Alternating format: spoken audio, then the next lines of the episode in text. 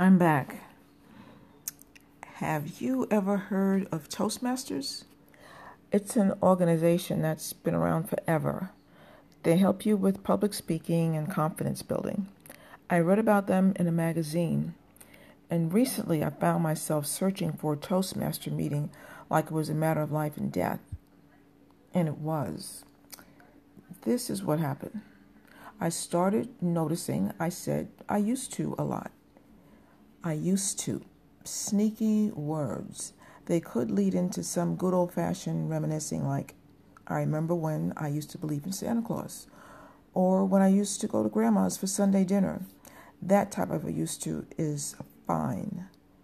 Then there's another I used to that I call breaks. Those are the ones used to put a stop to bad habits and unsafe situations like I used to smoke, but now I quit. That's okay. I used to be late for work every day, but now I'm on time. There are many kinds of I used to.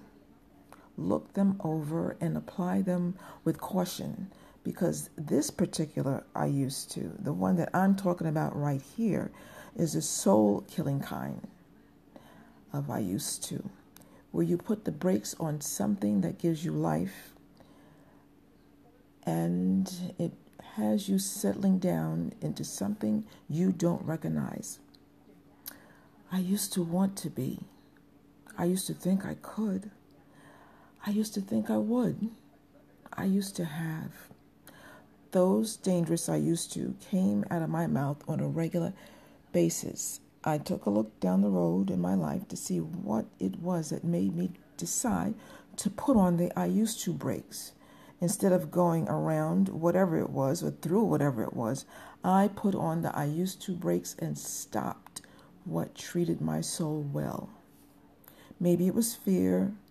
Maybe I turned myself into a chameleon trying to fit in, not wanting to upset or outshine in surroundings, in, situation, in situations I had no business being in. Instead of going around, going through, I applied I used to breaks. Now, back to Toastmasters. I used to be a talker. See, that's what I mean right there. I love to talk, meet people, socialize, make small talk, big talk. I love the excitement of learning new things. With the I used to breaks, I had become silent, a looker, a silence so sharp it cut a hole in my dreams I could barely stand my own self. I had to get the brakes off me and go through around and over which sat in my road.